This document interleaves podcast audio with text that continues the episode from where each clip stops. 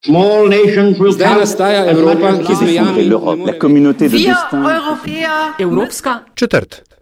I don't know why you are becoming nervous when you are speaking about the European Union.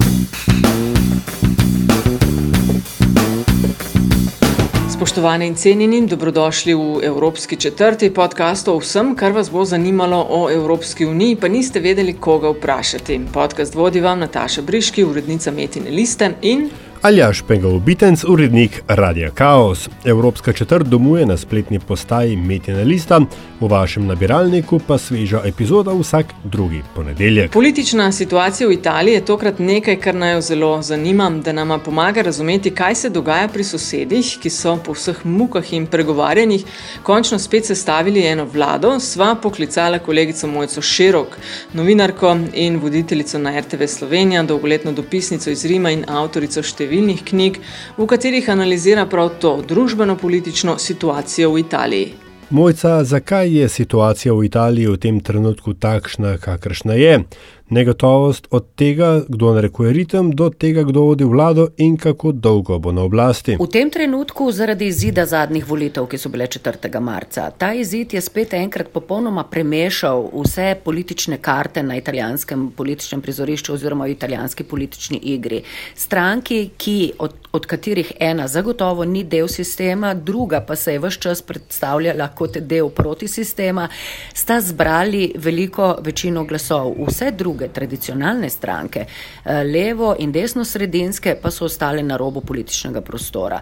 Ti dve stranki, gibanje petih zvest na eni strani in Severna liga, ki je v zleti in tudi sedaj se tako imenuje postala liga, ker cilja tudi na glasove v drugih delih države, ne samo na razvitem severu in v osrednjem delu Italije, sta dobili toliko glasov, da nobena vlada brez njiju ni mogoča. Eh, zdaj, eh, problem je nastal, ker sta se odločili, da bosta vlado oblikovali oni, sta pa njuna politična programa, to je prva točka, v določenih točkah tako daleč narazen, da je vprašanje, kako bi lahko eh, našli skupni jezik, da se stavi ta vlado. In drugi problem je pa ta, da so točke, ki jih imate v programu in ki so jima skupne, na nek način trn v peti uh, drugim političnim strankam in predvsem političnemu establishmentu, pa tudi Evropski uniji, ki se boji nekaterih njunih zahtev. Zato so se pogajanja o sestavi koalicije zavlekla za tri mesece. Predvsej razburjenja je povzročila tudi odločitev predsednika države Matarele, da prižge še rdečo luč na predlaganega finančnega ministra, sicer uglednega ekonomista Paola Savono. Zakaj? ker je euroskeptik. To je postopkovno, pravno, ustavno uh, dovoljeno in je možno.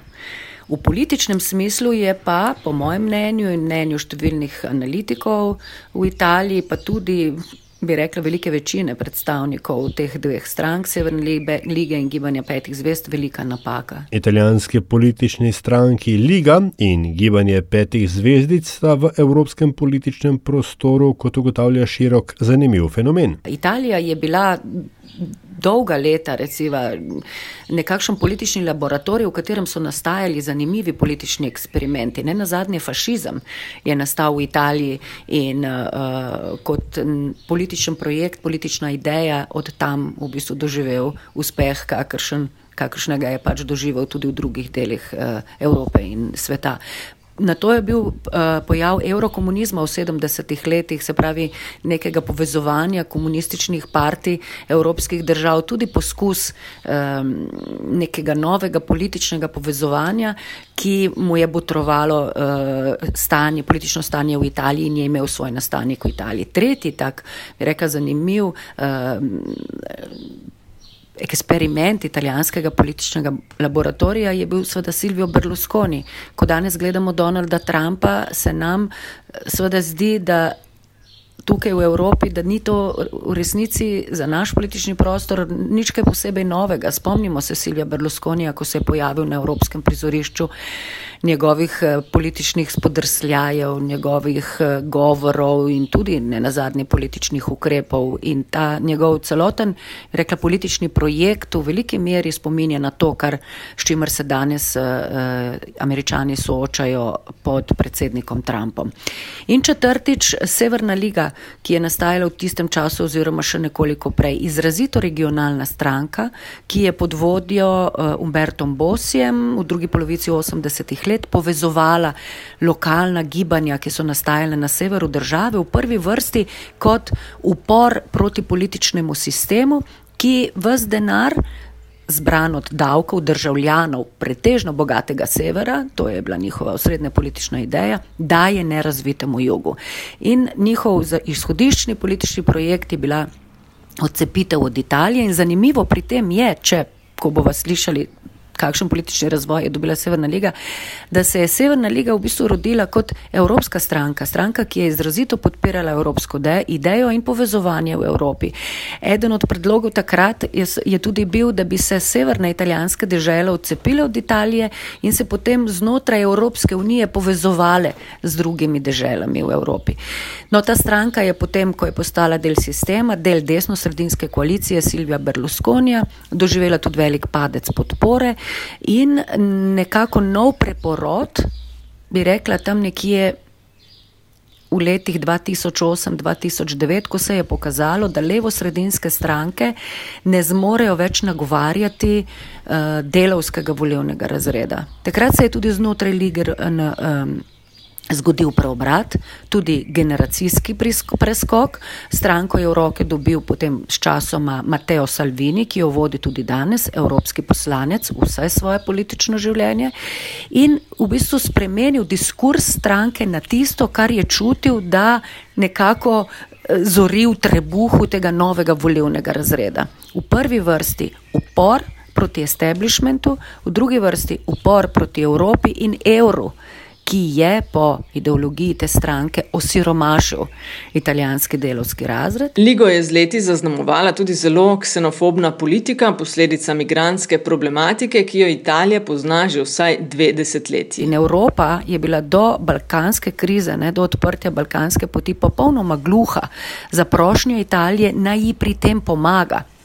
Italija je bila izrazito uh, solidarna in tudi njene politike so bile izrazito naravnane k pomoči in sprejemanju uh, migrantov, ki so prihajali na njene obale z juga države. Ampak je bila pri tem 20 let izrazito sama. Iz Brusla ni za svoje prošnje nikoli dobila uh, pomoči, je vedno naletela na gluha ušesa. In tudi to je potem vodilo, vodilo k temu, da je Liga ko je začela razglašati oziroma ko je okrepila to svojo protimigrantsko politiko, naletela na tako veliko uh, podpore med ljudmi. Ker so ljudje videli, kaj se je zgodilo s tem, ko so 20 let poskušali rešiti problem, kot ga vsi na nek način priporočajo, ne s solidarnostjo in z odprtostjo. Pri tem so ostali sami. Zato je Liga pri tem na nek način dobivala tudi njihove glasove. Toliko o Ligi, stranki, ki se je prej imenovala Severna Liga, kakšna pa je zgodba gibanja petih zvezd? To je stranka, ki je nastala na nek način z, uh,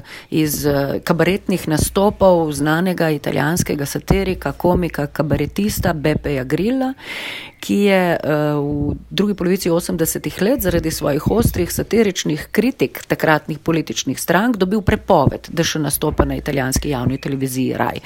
In je takrat začel s svojimi nastopi po vsej Italiji in jih je vedno bolj krepil z neko tako ostro politično noto. No in Beppe Grillo je z teh nastopov eh, sestavil neko tako ohlapno gibanje, zelo pomemben pri tem je bil njegov blog. Gibanje petih zvest je prva stranka v Italiji, ki je, je bila prva stranka v Italiji, ki je prepoznala moč interneta in njegov, bi rekla, ta agregacijski element. Beppe Grillo je začel pisati zelo odmeven blog, ki so se mu pridruževali po vsej Italiji. In ta blog je prerasel najprej v politično gibanje najprej v družbeno gibanje, potem v politično gibanje in danes mu ne moremo reči drugače, kot da je politična stranka. Oblikoval jo je na podlagi, mislim, da dveh ključnih elementov, pridruži se mu lahko vsak, ki je nekaznovan. In ki še ni deloval v nacionalni politiki. In kam na političnem zemljevidu gre uvrstiti ti dve stranki, bolj desno od sredine, ali se jo mogoče ne da enostavno popredalčkati? Mislim, da se ne da tako enostavno reči. To sta izrazito postideološki stranki vsaka vsebuje elemente desničarskih in levih ideologij. Uh, uh -huh. Gibanje petih zvez, še posebej, to je izrazito socialno naravnano gibanje. Gibanje, v katerem bi težko, recimo, bi težje našli desničarske elemente, kot pa elemente, ki v bistvu ne zahtevajo drugega kot neko eh, me, medčloveško solidarnost in pošteno delitev oblasti. Pri Severni pri Ligi je mogoče lažje, ne, desničarski elementi so izrazito prepoznavni, ker so v bistvu njihove glavne zastave, med drugim. Uh, ta protimigracijska, protimigranska politika. Ampak tudi v ligi najdemo elemente, ki eh, nagovarjajo ljudi, ki so po razpadu starih političnih strank, po pacu Berlinskega zidu in še po, po uvedbi evra, ki je v Italiji potekal na način, ki je dejansko ne, udaril po žepih eh, veliko število ljudi in predvsem po uh, finančni krizi, ljudi, ki so po vseh teh elementih, po vseh teh um, pretresih na nek način izgubili status, ki so ga imeli. In to je mhm. izrazito socialno naravnan element. Italija je tretje največje gospodarstvo v evroobmočju, hkrati pa tudi najbolj zadolžena članica. Ja, jaz mislim, da je trenutno dejansko največji italijanski problem bančni sistem in uh, stanje v italijanskih bankah, v katerih je vsaj petina vseh posojil toksična, je uh, alarmantno in tega se v Italiji seveda vsi zavedajo. Ne? Italijanski sistem, nek, bančni sistem na nek način vzdržuje neka neka poncijeva schema ne z državnimi obveznicami, ki poskuša v bistvu so zadevo držati pod nadzorom. Se pa mnogi sprašujejo, kako dolgo se lahko ta situacija še obdrži. Po drugi strani, Italija ni Grčija, Italija je bogata država, ustvarja kapital in njen bogati sever omogoča na nek način nek, eh, bi rekla, eh, razvoj. Ampak dejstvo, ne, da je gospodarska rast eh, po vem, skoraj da 15 letih popolne stagnacije, komaj en odstotek dokazuje, da tukaj nekaj ni v redu. Ne? Ker v bistvu banke ne dajo posojil, ker so v neke vrste finančnem krču. Se pravi, ujeta je v nek začaran krok denarja, ki obstaja in denarja, ki ga ni in hkrati ujeta v ta veliki razkol med severom in jugom države. Širok pravi, da je za vrsto težav v Italiji, menjavanja vlad po drugi svetovni vojni, je bilo 66 kriv tudi politični sistem. Italijanska ustava in njen politični sistem, ki je nastal po drugi svetovni vojni, je seveda posledica 20-letja fašističnega režima predtem. Vsebuje namreč celo vrsto varovalk, ki bi priprečile ponoven pojav nekega takega močnega vodje.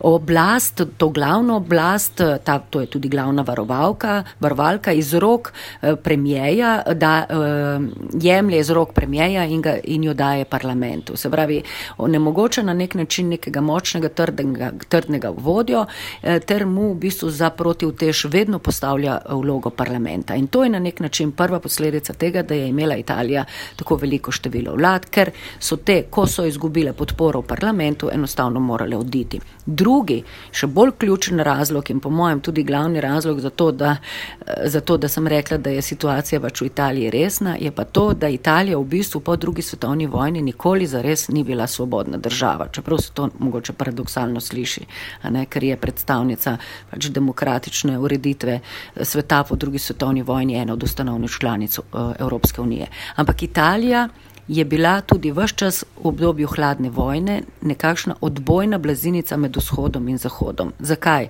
V Italiji so imeli najmočnejšo komunistično partijo v Zahodnji Evropi in politični sistem je temeljil na dejstvu, da ta komunistična partija nikoli ni smela priti na oblast. To je pomenilo, da je njen pandan, krščanska demokracija, lahko storil karkoli oblasti ni nikoli izgubil. Skratka, krščanska demokracija se je morala vedno obdržati na oblasti. To je bil politični sistem, ki je temeljil na dveh točkah. Da komunistična partija nikoli ne pride v vlado in da krščanska demokracija oblasti nikoli ne izgubi. To je bila varovalka, ki so jo zahodni zavezniki, predvsem Združene države Amerike, v zameno za vso svojo gospodarsko pomoč Italiji, ki jo je po drugi svetovni vojni iz neke ruralne zaostale entitete eh, spremenila v gospodarsko vele silo, zagotovilo, da se obdrži, bi rekel na nek način, ta blokovski sistem. In ko je padel berlinski zid, je padel se je sesul tudi ta italijanski politični sistem. Stranke, ki vsaj 20 let pred tem niso bile več politične stranke, ampak samo neki aparati za zbiranje volivnega konsenza in delitev v bistvu denarja, državnega denarja, so bile do kraja gnile in skorumpirane. In ko se je začela prva resna toživska preiskava, ki so obstajale tudi prej, niso nikoli nikamor pripeljale, ker niso smele nikamor pripeljati, ker se ta sistem ni smel podreti, ampak se mora obdržati. Skratka, ko se je pojavila operacija, toživska operacija čiste roke, so te stranke razpadle druge za drugo.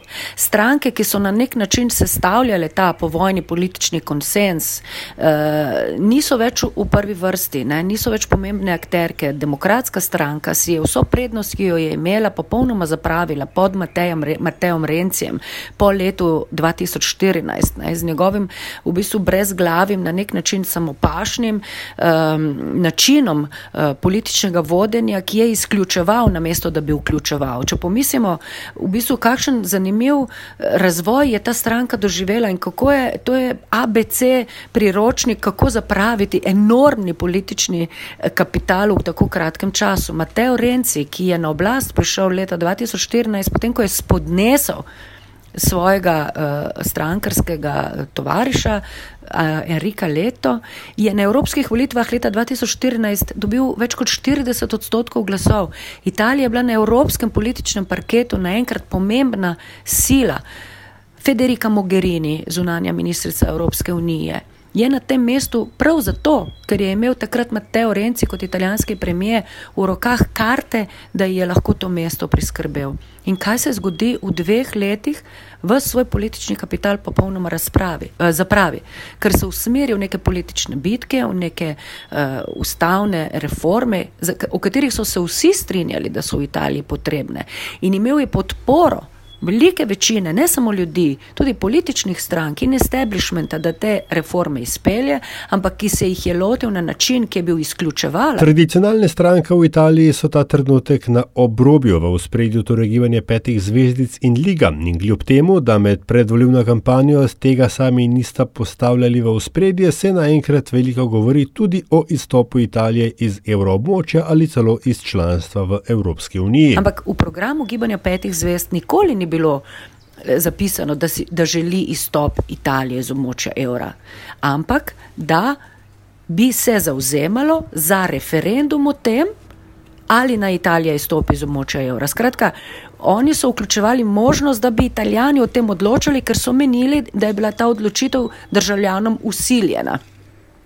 In v bistvu s, to, s tem napadom ne, na to njihovo domnevno protievropskost so bi rekla, politične sile to protievropskost na nek način legitimizirale. In zdaj seveda in Liga in Gibanje petih zvest ustrajata oziroma na nek način pristajata na ta politični diskurs, v katerem je v ospredju dejstvo, ali na Italijo ostane v območju evra ali celo v Evropski uniji ali ne. Ma mislim pa, da sta tako prvo kot drugo vprašanje fiktivni.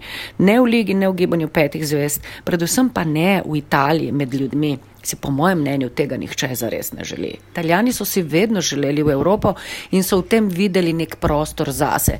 Ampak leta in leta nekega političnega diskurza, v katerem so. Je bilo politikom dovoljeno, da so poteze Evropske unije predstavljene kot neke prisile državljanom usiljene od zgore, ne, so to podporo Evropi med italijanskimi uh, voljivci na nek način zapravile. Čeprav po drugi strani jaz resno mislim, ne, da se velika večina italijanov dobro zaveda, kaj bi se zgodilo, potencialno, uh mhm. -huh. če bi se država vrnila kleri. In mislim, da se tega nihče v resnici ne želi. Tudi politične stranke povdarjajo, da je treba ustaviti beg možganov, da je treba mladim ljudem dati priložnost, da se dokažejo v svoji državi in s tem eh, pomagajo pri razvoju. Ne? Ampak v resnici je pa, bi rekel, ta politični establishment na to gluh, mest ni. Recimo razmere na italijanskih univerzah. Eh, so katastrofalne. Na položajih imaš profesorje, vodje oddelkov, katedr, tudi samih fakultet in univerz, ki so krepko čez 70, čez 80. Imaš asistente, ki še v bistvu ne, nimajo stalnega položaja, ki so čez 50, čez 60. Ne. In uh, to je v bistvu sistem teh nekih internih lobijev na vseh področjih italijanske družbe in italijanskega življenja, ki ga bo zelo, zelo težko spremeniti. Mojca, najlepša hvala za pogovor in ti čestitam ob koncu tudi uh, za tvojo zadnjo knjigo, pogodbo. Uh, sem ujela, da je tako dobro sprejeta bila med bravci in bravkami, da ste jo tudi že ponatisnili. Bravo. Ja, hvala. Ja, res je. V bistvu, je, veš, ta pogodba je na nek način ne, romanesken prikaz tega, o čemer smo zdaj govorili. Ne. Po mojem je zaradi tega tudi, uh, kaj jaz vem, ne, všeč tudi slovenskim bravcem, ker to je univerzalna tema. Da imajo ljudje občutek, da živijo v državi, ki ni njihova, da nimajo moči pri soustvarjanju sistema, da lahko delajo to, kar se jim zdi dobro in pravilno, ampak da na zadnje, če ne bodo v skladu s tistim, kar nek sistem za njih eh, predvideva, da je dobro, s tem pri tem ne bodo uspeli. Ne? In to je tak nek univerzalen občutek, bi rekel, čisto človeške nemoči proti sistemu, ki mu narekuje, kaj je dobro in kaj je slabo. Ne? Tukaj je seveda tudi neka izmišljena, popolnoma izmišljena kriminalna zgodba in zaplet, ampak okvir, na katerem se to dogaja, je v bistvu resničen in univerzalen. Lahko se dogaja v Italiji, lahko se dogaja v Ameriki ali pa v Sloveniji.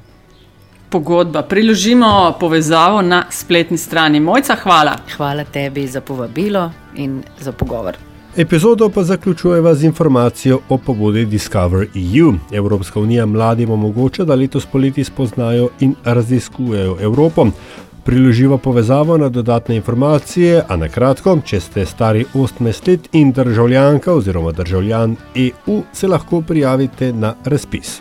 15 tisoč popotnikov oziroma popotnic bodo izbrali, če boste med njimi v 30 dneh, boste lahko obiskali do 4 tuje destinacije, spoznavali kulturo, obiskovali dogodke. Za ston. Ne pozabite, v torek, 12. junija, točno opoldne, se odpre razpis. Drživa pesti. Hvala za pozornost, to je bila Evropska četrt. Predlogi, mnenja, pohvale in kritike dobrodošle na infoafna.metinalista.si. Na družbenih omrežjih pa je uradni ključ Kavčnik, hashtag Evropska četrt. Glasbena podlaga pa je delo audionautics.com. Če boste privoli, da naj ocenite pri vašem izbranem podcast ponudniku, hvala vnaprej tudi za vašo družbo in se slišimo spet naslednjič.